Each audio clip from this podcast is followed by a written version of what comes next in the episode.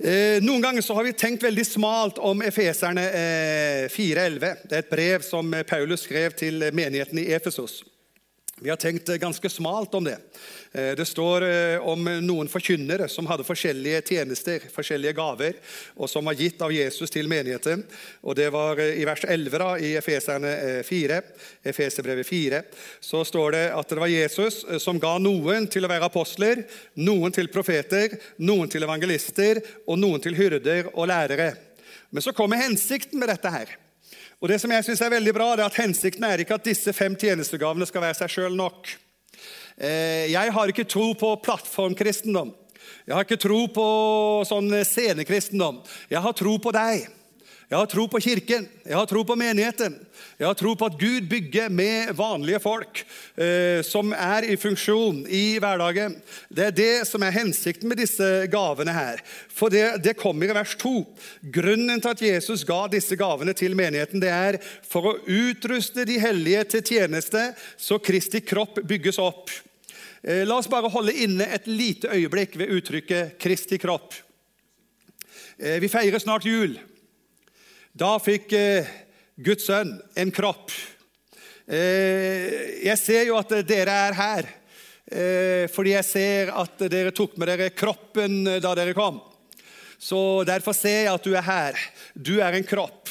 Det jeg vet, da, det er at din kropp er til for å gjøre det du vil. Ikke sant?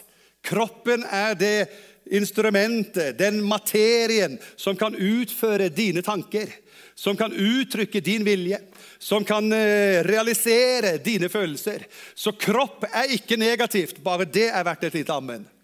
For her har vi en dårlig historie nemlig i kirka til Jesus. At kropp det er liksom oh, farlig. det, Kropp er farlig. Nei, kropp er, er ikke farlig, kropp er salig. Ja, det er, det er veldig bra at vi har en kropp. Så jeg er glad for at du ikke bare er her i ånden, men at du tok med deg kroppen og kom. Eh, Jesus fikk en kropp. Hvorfor fikk han en kropp? Jo, fordi han ble et menneske som oss, under samme vilkår som oss.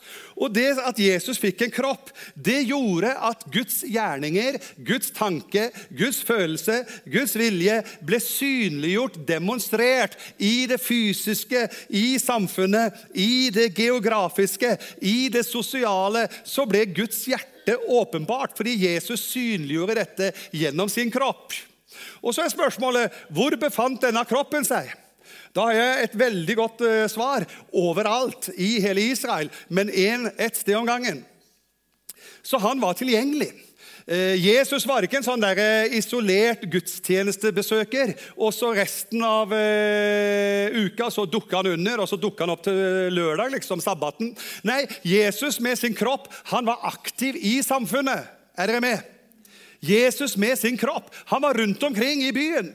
Han var rundt omkring på de forskjellige arenaer. Han var på markedsplassen, han var ved brønnen, han var på tempelplassen. Han var der hvor folk var. Det står om han at han gikk omkring overalt og besøkte alle byene og alle landsbyene. Så Jesus var ikke en sånn bortgjemt greie. Han var til og med så tilgjengelig og han var til og med så synlig i det offentlige rom at når Paulus møter Herodes, så sier han at dette er med Jesus. Så sier han det skjedde jo ikke i en avkrok. sier han. Han sier det skjedde i full offentlighet. Så når det står her at eh, apostler, profeter, evangelister, hyrder og lærere skal utruste de hellige til tjeneste så Kristi kropp bygges opp, så handler det om at Jesus skal bli synlig på sykehuset. Det handler om at Jesus skal bli synlig i næringslivet. Det handler om at Jesus skal bli synlig i politikken. Det handler om at Jesus skal bli synlig i kulturlivet. Det handler om at Kristi kropp skal bygges opp. Og hvor var Kristi kropp for 2000 år siden? Overalt der hvor det var folk. Hvor skal Kristi kropp være i dag? Overalt der hvor det er folk. I prinsippet er det ingen forskjell mellom Jesus for 2000 år siden med sin kropp og menigheten i dag, som er Kristi kropp. Det er i prinsippet ingen forskjell. Det er bare én forskjell, og det er at utbredelsen har blitt større. Så omfanget er større. Det vil si, Nå er Jesus i, i, i, i Trondheim og Oslo og Rio de Janeiro og Seoul i Korea samtidig. Det var han ikke da han gikk rundt omkring i 33 år her på eh, jordkloden. Det var han ikke. Da var han bare ett sted samtidig. Og dette er det jeg tror når Jesus sier ja, dere skal gjøre mine gjerninger. Hvorfor det? Jo, vi er hans kropp. Kroppen hans gjør hans gjerninger. Og så sier han ja, dere skal gjøre større enn disse. Og, og da tenker vi liksom større gjerninger i, i, kvalitet. Jeg tror ikke det handler om større gjerninger i kvalitet. For det skal mye til å høyne Jesus når det gjelder å vekke opp folk fra de døde. Jeg tenker Det er liksom, det er maksimum, det. Det er liksom det ultimate. Så jeg tror ikke det handler om kvalitet, jeg tror det handler om kvantitet. Fordi at eh, Der hvor det står dere skal gjøre større gjerninger enn disse, så står det eh, dere skal gjøre større arbeid enn disse. Vil si, arbeidet er mer utbredt. Så jeg tror ikke, og, og Hvis du er veldig opptatt av å gjøre større gjerninger enn Jesus, så har jeg likevel et veldig godt råd til deg. Begynn med å gjøre det samme som han. Ja, for Hvis du har gjort det samme som han, så, så kan du tenke på de større gjerninger etterpå. Hvis vi ikke engang har kommet til de samme gjerningene, så ikke tenk så mye på de større gjerningene. I hvert fall ikke i kvalitet, men i kvantitet. Det handler om å gjøre mer enn det Jesus gjorde. For nå er alle troende på hele jordkloden samtidig Kristi kropp. Og Hele hensikten med apostler, profeter, og evangelister, og hyrder og lærere det er å utruste de hellige, dvs. Si de som tror på Jesus, de som har tatt imot Jesus. Ikke til å være møteverter, ikke til å være lovsangsledere, ikke til å være gudstjenestebesøkere, men til å være salt og lys i samfunnet. Til å være i tjeneste for nasjonen vår.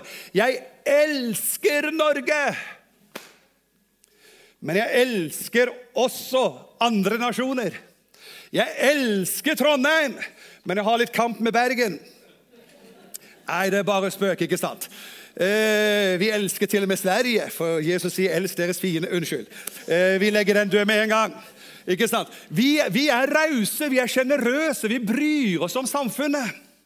Og da er det sånn at det er, det er, litt moro, faktisk at denne menigheten her har direkte connection med fjorårets og årets fredsprisvinner. Direkte kobling. Det bare tyder på at det er noe med Jesu Kristi menighet som bryr seg om verden. Vi bryr oss om samfunnet. Hvorfor det? Jo, for vi er ikke troverdige hvis vi er etterfølgere av Jesus og ikke ligner litt på ham. Og Jesus brydde seg om verden. Han brydde seg om de utslåtte, han brydde seg om eh, de som var ledere, han brydde seg om de som eh, ble forakta. Han brydde seg om alle mulige mennesker. Og han gikk omkring i sin kropp og gjorde vel og, og helbredet alle som var blitt offer for ondskap og ødeleggelse. Jesus er så bra. Jeg er så begeistra og takknemlig for Jesus Kristus. Hvilken Herre vi tjener, hvilken venn vi har. Jeg mener, Han er min beste venn, og Ingrid kommer som en god nummer to. Ah. Så eh, vi skal gjøre Jesu gjerninger eh, ved Hans nåde. Ikke ved kraft, ikke ved makt, ikke ved anstrengelse, ikke ved å rive seg etter håret, men ved Guds ånd. Han hjelper oss å gjøre Jesus synlig.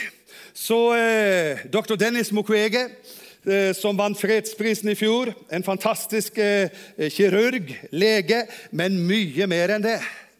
Han er en reformator. Han setter søkelyset på urettferdighet.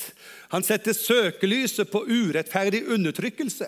Og han gir voldtatte krigsofre verdighet og selvrespekt. Det er mer enn det fysiske, det er hele det holistiske som utgjør det å være menneske, som er målskiva for doktor Mukweges oppmerksomhet. Hvorfor det? Jo, fordi at han er en pinsepastor. Amen. Er en pinsepastor? Ja, han er pinsepastor og kirurg. Amen. Han er ikke den eneste. Osvald Ordlien var det samme. Amen. Og vi har noen psykiatere og vi har noen leger her. Jeg heier på legestand. Amen. Takk for at dere bryr dere om samfunnet. Takk for at dere gjør en jobb for Trondheim by. Takk for at dere bryr dere. Vi heier på mennesker som utgjør en forskjell i samfunnet. Hva med eh, prime minister, statsminister, premier eh, Ahmed?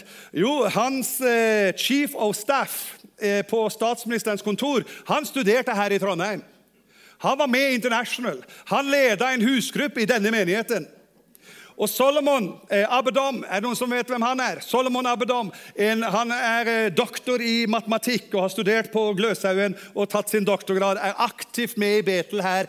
Han er en nær venn av eh, han som da er eh, eh, chief of staff ved statsministerens kontor. Så Solomon, som er vår nære medarbeider, og som gjør en kjempejobb rundt omkring i verden, eh, både i Etiopia og andre steder, sammen med bl.a. Arve Gunnestad å bygge opp førskolelærerutdannelse i afrikanske nasjoner og har fått eh, kongens fortjenestemedalje for det. Eh, det er sånne folk som liksom Det, det er oss, det. Amen. Ja. Så eh, Solomon han er akkurat nå i Etiopia, og jeg sendte selvfølgelig gratulasjon til han. Gratulerer med fredsprisen til din statsminister.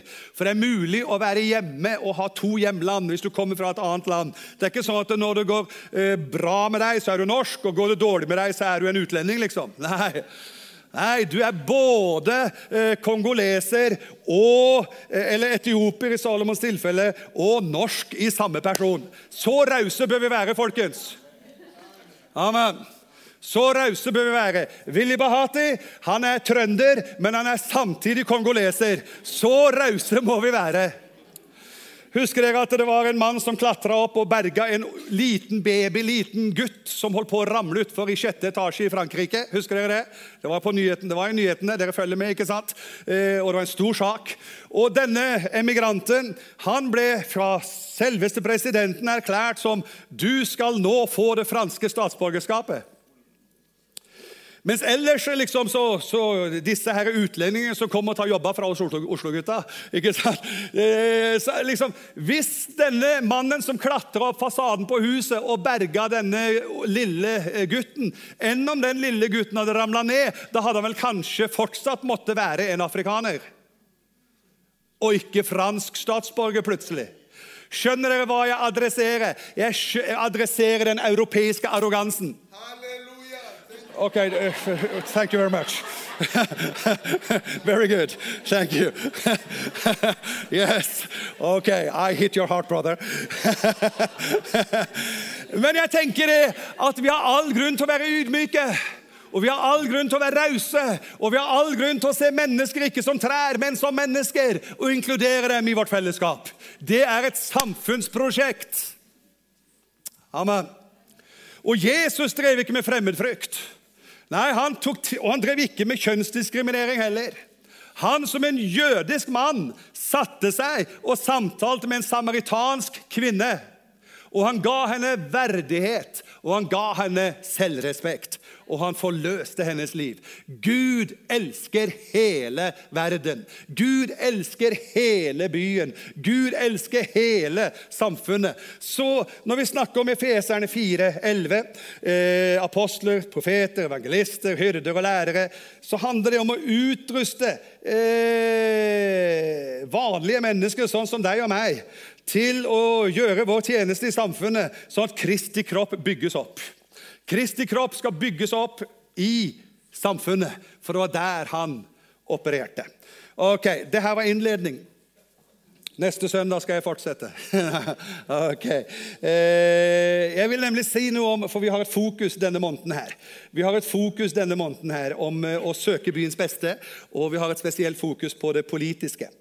Så denne søndagen og neste gang jeg kommer på, og skal preke her, så ønsker jeg å snakke litt om å søke byens beste både i mikro- og i makroperspektiv. Det hørtes veldig flott ut. Både i mikro- og i makroperspektiv. Eh, jeg kan eh, gjøre mye enklere. Jeg tenker at Vi må søke byens beste både som enkeltindivid, mikro, der hvor du befinner deg i din hverdag, men også i makroperspektiv, nemlig som en hel menighet. Jeg tenker Vi må søke byens beste i mikroperspektiv, nemlig personlig. Men også i makroperspektiv, nemlig i fellesskap. Jeg tenker Vi må søke byens beste eh, i mikroperspektiv, nemlig privat. Men eh, også i makroperspektiv, nemlig offentlig. Så det er to sider ved det at vi søker byens beste. Det ene er du og jeg i vår hverdag. Så må vi søke byens beste. Men så er det også noe som heter det offentlige rom. og Vi er en offentlig størrelse, og vi er, vi er en, en, en, public church. altså vi, vi er en offentlig arena, som en hel kirke. Og Da er det viktig at vi også som en hel kirke søker byens beste i det mer større perspektivet som et fellesskap. Eh, Jesus han sier det i Lukas evangelium 16.: Den som er tro i smått, er også tro i stort. Og den som er uredelig i smått, er også uredelig i stort. Om dere ikke har vært tro når det gjelder den uhederlige mammon, hvem vil da betro dere de virkelige verdiene? Og I Lukas 19, 17 så sier han noe lignende. Han svarte, 'Det er bra, du gode tjener, fordi du har vært tro i smått, skal du få styre ti byer.' Ser du? Når du er tro i smått, så får du plutselig ansvar for byer. Det vil si, når du er tro i det personlige, i det private, så kan du også få ansvar i det offentlige. Når jeg tenker på denne menigheten, så tenker jeg på fantastiske, flotte mennesker.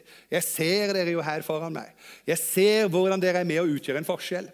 Jeg ser mennesker her som bidrar inn i samfunnet på forskjellige arenaer. Dere søker byens beste. Dere er med å gjøre en forskjell i byen. Det er kirke. Gi en applaus for deg sjøl. Det er kirke. Det er kirke. Kirke er ikke noe som foregår her framme. Kirke er ikke noe som foregår liksom i dette her. Det er bare en del av det som er kirke. Men kirke er så mye mer. Kirke er å være Jesu Kristi hender, Jesu Kristi føtter, Jesu Kristi øyne, Jesu Kristi ører, Jesu Kristi munn. Der hvor vi befinner oss i vår hverdag. Enten det er i næringsliv, eller det er omsorgs- og helseinstitusjoner, eller det er i det kulturelle eller det politiske, eller samme hva området vi befinner oss på. Vi er kirke 24-7. Der hvor vi befinner oss, er vi kirke. Så kirke er ikke noe vi besøker kirke er noe vi er. Gudstjeneste, det er noe vi besøker. Men kirke, det er vi på full tid. Hele tida så er vi kristen. Det å være kristen det er ikke noe vi skrur av og på. liksom. Det er ikke sånn 'jeg er deltidskristen'. Nei, vi er kristne på full tid. Så det er noe vi er hele tida. Og der hvor vi befinner oss, så skal vi søke byens beste. Eh, la meg si litt om dette med mikroperspektiv. Det første som jeg tenker er viktig eh, når vi skal søke byens beste, det står i Kolossebrevet 4.5. I Kolossebrevet 4.5. Eh, det er Paulus som underviser. Han sier følgende.: Gå fram med visdom blant dem som står utenfor, og bruk den dyrebare tiden godt. Det tror jeg er klokt. Gå fram med visdom blant dem som står utenfor, altså de som ikke er en del av kirken. Det er jo det som menes i, det, i, det, i den konteksten. Eh, gå fram med visdom blant dem som eh, står utenfor. Altså må vi også erkjenne, altså kjære dere, vi må også erkjenne, uansett hvor inkluderende vi ønsker å være, så er det faktisk et faktum at det finnes et innenfor og et utenfor. Vi, vi, vi, kan ikke se bort fra det. Men så er det veldig befriende at det er ikke du og jeg som skal definere det. Amen. Det er ikke du og jeg som har ansvaret for å definere det. Men det som vi i hvert fall kan lære av det som står der, det er at eh, vi skal gå fram med visdom blant dem som står utenfor. Og så står det 'bruk den dyrebare tiden godt'. Eh, Levi Petrus han var jo kjent som en sånn pinsehøvding i Sverige og egentlig i hele Skandinavia. Så var Han kjent som en sånn pinsehøvding. Eh, eh, han levde fram til slutten av 70-tallet, tror jeg det var. Ble en godt gammel mann og gjorde en kjempejobb, ikke minst i Sverige. Han var jo kjent som en sånn pinsekarismatisk høvding. ikke sant? Åndens liv og åndens gaver og tungetale og åndsstopp og hele pakka. Men vet du hva han sa? Og når han sier det, da veier det litt tungt. For han sa følgende Den største gaven Gud har gitt oss, er vår forstand. Det sier nådegavejagende Levi Petrus. Den største gaven er vår forstand. Bruk forstand i omgang med mennesker. Du kommer faktisk lengre i det relasjonelle dersom du får hjelp fra Gud til å bruke visdom. Visdom er noe som Gud har gitt oss i omgang med hverandre. Der hvor visdommen minimeres, der øker konflikten. Visdom er noe som løser konflikt. Amen. Visdom er relasjonsbyggende. Visdom er det som gjør at mennesker som egentlig står langt fra hverandre, de finner fram til hverandre. Jeg skrev i dag på min Facebook jeg er imot religionsblanding, men jeg er i aller høyeste grad for relasjonsbygging. For jeg tror relasjonsbygging det bygger ned hat, retorikk. Vennskap det bygger ned eh, fordommer. Eh, vennskap det bygger ned stigmatisering. Og både fordommer, hat, retorikk og stigmatisering det er ødeleggende for samfunnet. Så jeg vil gjerne være venn med mennesker som tror noe annet enn det jeg tror. Amen. Så jeg skrev 'Lenge leve vennlighet', skrev jeg i dag. lenge leve vennlighet. Og så skrev jeg 'Lenge leve vennskap'. Jeg vil gjerne være venn med både muslimer og jøder og ateister og humanister. Og eh, det lønner seg å være vennlig, folkens. Og Noe av visdommen gjør at vi kan få venner av en helt annen bakgrunn enn det vi sjøl har. For visdommen gir oss nøkler til mennesker av annen bakgrunn. Visdom gir oss nøkler til menneskers hjerte. Mens fordommer blokkerer absolutt alt. Det blir ikke noe samfunnsbygging av det. Så eh, gå fram med visdom blant de som tenker litt annerledes enn dere sjøl, og bruk den dyrebare tiden godt. Så eh, det Paulus egentlig sier, for å si det litt på godt norsk, bruk huet. Det er en Guds gave. Amen. Bruk huet, tenk sjøl. Vær med og tenk. Og så står det 'bruk den dyrebare tiden godt'. Eh, og, da tenker jeg la oss ikke misbruke andres tid. Kom til saken. Amen. La oss ikke misbruke andres tid. Akkurat nå snakker jeg veldig til meg sjøl. For jeg kan bli så omstendelig. Og jeg kan bli så detaljert. Bare spør Ingrid. Ingrid har en gave på det, hun òg. Men uh, nå handler det ikke om henne. Det, det handler om meg. Eh, og, og, noen ganger når, når, vi snakker sammen, så er det liksom sånn at vi venter liksom, Kom til saken! Hva er, hva er konklusjonen, liksom? Men det kan være greit også å følge med prosessen fram til konklusjonen. Så, så det, det, det, er greit, det også. Men eh, jeg snakker til meg sjøl. Bruk den dyrebare tiden godt. For det er ikke, vi har ikke noe mer i vårt liv når det gjelder hva vi bruker livet vårt på, enn tida vår. Det er tida vår som til syvende og sist er livet vårt. Og Jeg kan bevise det med følgende utsagn. Det du har brukt din tid på, det har du brukt ditt liv på. Så bruk den dyrebare tiden godt. Dette tror jeg er viktig i samfunnet. La oss i samfunnet når det gjelder vår tidsbruk, la oss skille viktig fra uviktig. La oss følge rådet til Winston Churchill. If I should stop by every dog that barks, I would never reach my destination. Altså, Vi må finne ut hva er viktig, og hva er ikke viktig.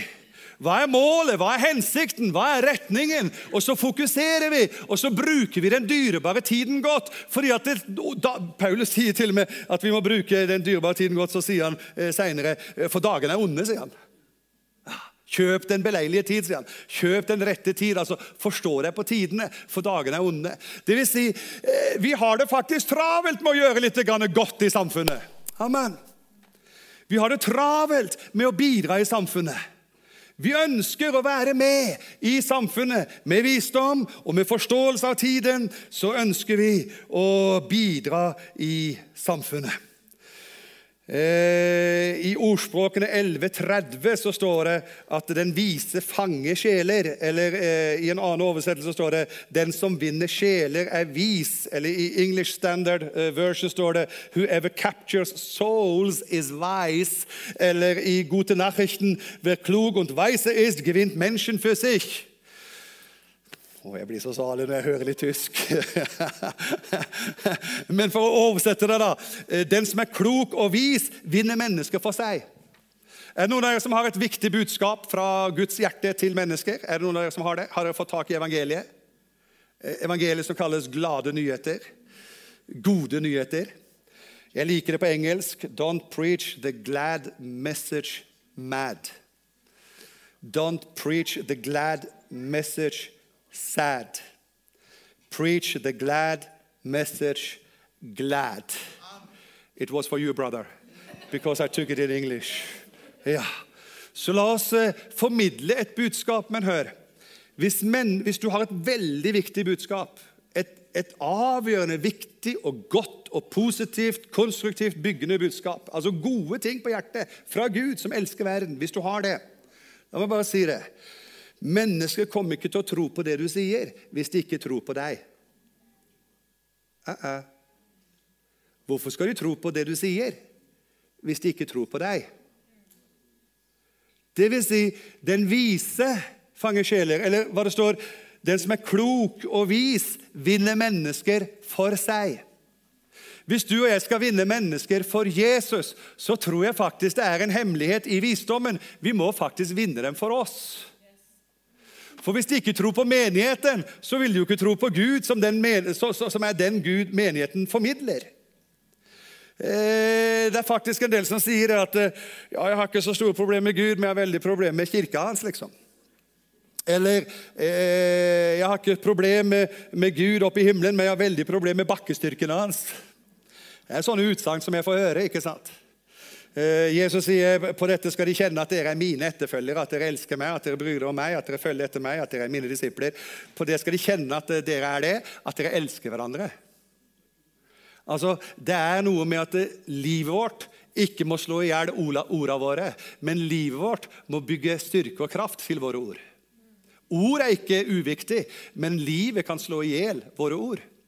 Derfor sier Paulus at vi skal eh, eh, gå fram med visdom blant dem som står utenfor, og så skal vi bruke den dyrebare tiden godt. Jeg har funnet ut det gjennom livet at visdom er summen av sannhet og kjærlighet. Det er bare sånn en, en erfaring eh, som jeg har eh, lært. For det står 'Den vise vinner mennesket for seg'. Okay? Den vise vinner mennesket for seg. Det jeg har oppdaga i samtale med mennesker som kanskje det er ting som de sliter med og, og kjemper med, og, og, de trenger å få høre eh, sannhet inn i situasjonen Det jeg har oppdaga, det er at jo mer denne person A vet at jeg elsker person A, jo mer er denne person A villig til å høre på sannhet gjennom min munn. Eller for å si motsatsen, da. Hvis du ikke bryr deg om folk, ti stilt.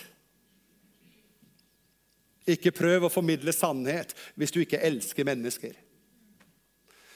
Kjærligheten, sier Paulus, har sin glede i sannheten. Men han sier også at vi skal være tro mot sannheten i kjærlighet. Det tror jeg er visdom. Visdom er å kunne elske mennesker så høyt at de faktisk tåler å høre sannhet fra deg til seg. For de vet du er ikke ute etter å ta dem. Nei, du elsker dem, du vil hjelpe, du vil bidra. Du ønsker å hjelpe dem til et bedre liv. Så sannhet uten kjærlighet er knallhard. Kjærlighet uten sannhet er så soft og veik at det bringer ingenting. Vi skal være tro mot sannheten i kjærlighet, og kjærligheten har sin glede i sannhet. Det er visdom, folkens. Så gå ut i byen og elsk folk og snakk sant om Gud og mennesker. Amen. Snakk sant om Gud og snakk sant om livet, men overalt dette kle dere i kjærlighet. Det er jeg overbevist om. Det er visdom. Jeg har erfaring på det. At eh, jeg vinner mennesker for meg når jeg elsker dem og snakker sant. Det er noe med visdommen som har kjærligheten i seg, og som har sannheten i seg. Det andre som vi skal ta i mikroperspektiv altså Det første det var visdom og forståelse av tiden. Det er viktig at vi, vi er der som enkeltmennesker. Visdom eh, og forståelse av tiden. Det andre som jeg vil trekke fram, det er eh, vennlighet og eh, attraksjon. Attraksjon det betyr jo tiltrekning. Eh, hvis folk skyr oss som pesten, så må vi ikke vente å få dem innen hørevidde. Hvis vi har et liv som egentlig, egentlig, gjør at mennesker tar avstand fra livet vårt, så kan vi ikke vente å få tilgang til deres oppmerksomhet. Så eh, Paulus han underviser om dette. her. Han sier i Kolossebrevet 4,6 han sier, La alt dere sier, være vennlig. Er ikke det nydelig? La alt dere sier, være vennlig. Da er det innmari mye jeg leser fra kristne på sosiale medier som er diskvalifisert. Når alt dere sier, skal være vennlig. Da er det egentlig faktisk en del sånne tweeter, tweeter og, og, og, ytringer og kommentarer som ikke helt holder mål i forhold til standarden som Paulus setter opp. La alt dere sier, være vennlig. Men så sier han en ting til. Og la det ha salt og kraft, så dere vet hvordan dere skal svare hver enkelt. La alt dere sier, være vennlig, og la det ha salt og kraft. Det vil si, vi skal være med og sette smak på andre menneskers liv. Vi kan skape interesse eh, for eh, det vi tror på, og det vi tenker. Eh, jeg har funnet ut at en god replikk det er innmari positivt i relasjoner mellom folk. En, en, en humørfylt replikk det, kan, det er utrolig hva man kan si av dype sannheter gjennom humor. Jeg har merket at eh, Gjennom humor så når man mye bedre fram eh, når man skal si en sannhet, enn liksom Nå skal du komme her og høre her. Gjennom humor, den gode replikken. Altså, la alt dere sier, være vennlig. Ikke sarkastisk. Ikke ironisk, men vennlig. La alt dere sier, være vennlig, men la det ha salt og kraft, så dere vet hvordan dere skal svare hver enkelt. Vi kan skape interesse for det vi sier. Jeg elsker å si gamle sannheter på nye måter. Det elsker jeg. Jeg elsker å si gamle sannheter på nye måter sammen med folk, og også skriftlig. For jeg merker folk sperrer opp øya. De, de, de, det vekker interesse. For du vet, Det de har hørt hundrevis av ganger, men det å formulere den samme sannheten på en ny måte, det, det, det, det gir en annen respons, folkens. Så la alt dere sier, være vennlig, men la det også ha salt og kraft, så dere vet hvordan dere skal svare hver enkelt.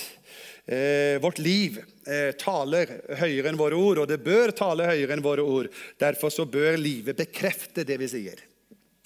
Og eh, Vårt liv det, det, skal ikke ta drepen på våre ord, men det skal gi kraft og troverdighet til våre ord. Til slutt helhjerta engasjement, integritet på jobben. Helhjerta engasjement, integritet på jobben. Det handler om å søke byens beste i mikroperspektiv. Senere skal jeg snakke om makroperspektiv. Hva vi som menighet sammen kan eh, ha som felles gods. Men eh, Paulus sier i Efeserbrevene 6, 6-7.: eh, Vær ikke øyentjenere som bare vil gjøre mennesket til laks, men Kristi tjenere som helhjertet gjør Guds vilje. Gjør tjeneste med et villig sinn. Det er jo Herren og ikke mennesker dere tjener. Og Kolossebrevet 3.23.: Alt arbeid skal dere gjøre helhjertet, for det er Herren og ikke mennesker dere tjener. Det vil si, vi har en dimensjon ekstra i arbeidslivets eh, moralkodeks. Amen. Eh, I og med at vi eh, er etterfølgere av Jesus, så er vi prega av hans tanke. Er det greit? I og med at Jesus er vårt ideal, i og med at Jesus er vårt forbilde, i og med at Jesus er prototypen, så er det liksom ikke det gjennomsnittlige opplegget som vi holder oss til. Nei, vi høyner. Amen. Hva betyr det? I arbeidslivet vårt så gjør vi mer enn det som kan forventes. Amen. Arbeidslivet. Men ikke bare det. Vi tar ut mindre enn vi har rett til. Det er Jesu Kristi sinnelag, mesteren vår. Han gjorde mer enn vi kan forvente. Og han tok ut mindre enn han hadde rett til. Han ga avkall på sine rettigheter. Det vil si, du på arbeidsplassen, du går en mil ekstra. Hvis noen spør om skjorta di, så gir du kappa òg. Amen. Og hvis noen eh, forbanner deg, så velsigner du. Og hvis noen eh, forfølger deg, så ber du. Ser dere vi lever etter en annen standard? Jeg mener, hallo, er det kirke jeg snakker til? Vi lever etter en standard som Jesus har satt. Som handler om at det, det handler ikke om at vi realiserer oss sjøl. Det handler om hvordan kan vi bidra til at andre får et bedre liv på jobb. Hvis det er mobbekultur på jobben, ja, så er det du som reiser deg og setter skapet på plass. Hvis det er undertrykkelse og urettferdighet på jobben, ja, så er det du som sier fra på en god måte med visdom og kjærlighet dyppa i sannhet. Amen. Og sannhet dyppa i kjærlighet. Klokskap, visdom, det er mange måter å gjøre det på. Men eh, det Paulus sier, når vi gjør det vi gjør, alt arbeid skal dere gjøre helhjerta. Amen. Ordet helhjerta betyr integritet. Integritet. Integre pinsevenner på jobb. Amen. Herlig, vet du. Pinsevenner med integritet. Ikke et lukka, farlig sekterisk fellesskap. Søkk åpent og tilgjengelig for hele samfunnet. Amen. Fordi at vi er lys, vi er salt her i denne verden. Sanger og musikere, det kommer fram, vi skal lande. Eh, så eh, når vi lever i samsvar med dette her, et helhjerta engasjement, eh, integritet på jobben Vi er ikke øyentjenere som bare liksom ute Se meg, se meg, se meg, se hva jeg gjør. Se alt det gode jeg gjør. Nei, vi gjør det gode når ingen ser oss. Amen. Vi gjør gode gjerninger når ingen ser oss. Er ikke herlig, folkens? Det er jo Jesus Kristus. Noen ganger når han hadde gjort noe veldig godt, så sa han du må ikke si det til noen. sa han. Hysj! Bare gjør det. Trenger ikke si det til noen.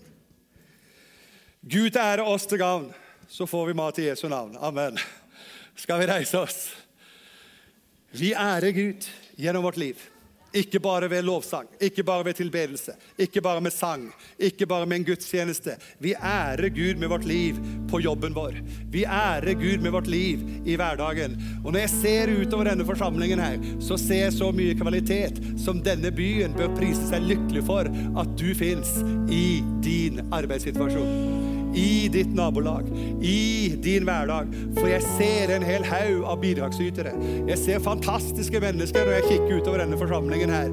Både oppe på galleri og nede i salen her, så ser jeg mennesker som eh, bare er med å utgjøre en forskjell i sin hverdag. Du er med å velsigne, du, ikke, du, er ikke med å forbanne. Du er med å løfte opp, du er ikke med å trykke ned. Du er med å oppmuntre, ikke ta motet fra folk. Du søker byens beste i din hverdag. Og all folket sa Amen. Skal vi prise Jesus og takke Han.